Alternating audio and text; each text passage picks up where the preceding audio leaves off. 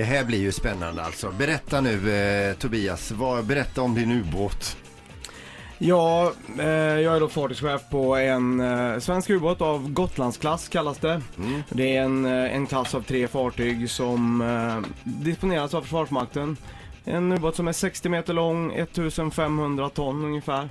Herregud. Eh, runt 6 meter, två våningar invändigt då. Ja. Hur djupt kan man gå ner med en sån här ubåt? Eh, vi dyker till 150 meter. Mm. Och har du varit med någon gång un- när ni har varit så djupt att någon har fått panik? Nej, det är faktiskt väldigt, väldigt ovanligt. Eh, jag har aldrig varit med om det. Jag har hört historier om det, men oftast så, så går det ganska bra. Det är även första dyken.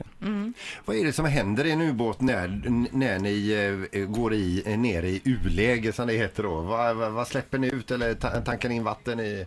Alltså, på våra båtar då så har vi eh, sex, sex stycken ballasttankar som vi kallar det då. Det är alltså ungefär 100 ton vatten som vi tar in i fem tankar eller sex tankar ombord.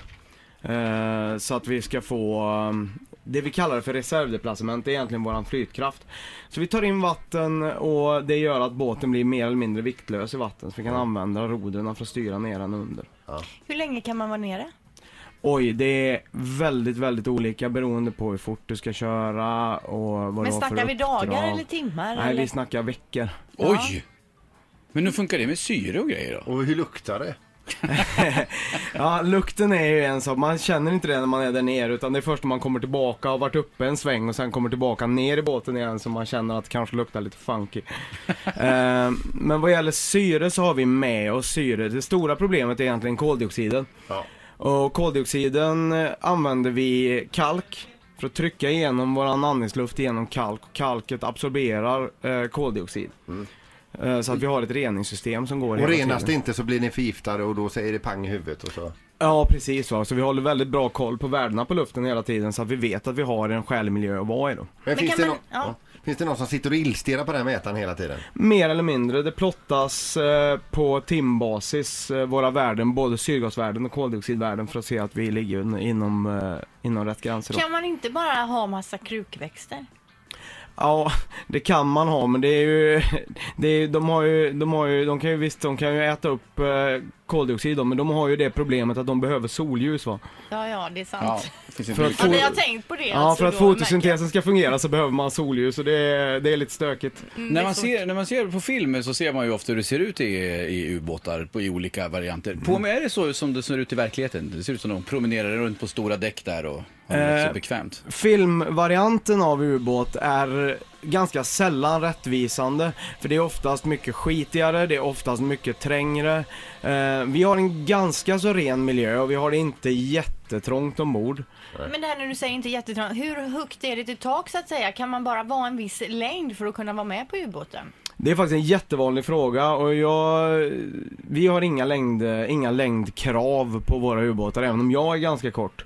Så mina, mina längsta medarbetare är över två meter. Får de huka sig eller? Nej, de Nej. kan gå raklånga. Däremot så är sängplatserna eh, bara 1,96 långa. Så är man över två meter Men så får man ligga med böjda ben. Det är gött att ligga i fosterställning.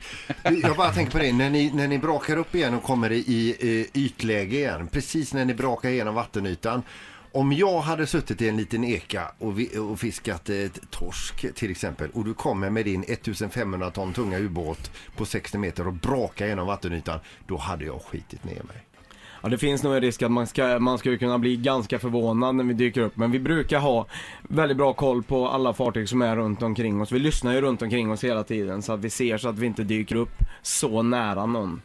Så att Nej, för någon det är ju inte bli... roligt om Peter sitter där i sin egen eka och helt plötsligt sitter han uppe på ubåten. Nej, nej det är ju, det är ju värsta, värsta scenariot. Ett poddtips från Podplay. I fallen jag aldrig glömmer djupdyker Hasse Aro i arbetet bakom några av Sveriges mest uppseendeväckande brottsutredningar. Går vi in med hemlig telefonavlyssning och, och då upplever vi att vi får en total förändring av hans beteende. Vad är det som händer nu? Vem är det som läcker? Och så säger han att jag är kriminell, jag har varit kriminell i hela mitt liv men att mörda ett barn, där går min gräns. Nya säsongen av Fallen jag aldrig glömmer på Podplay.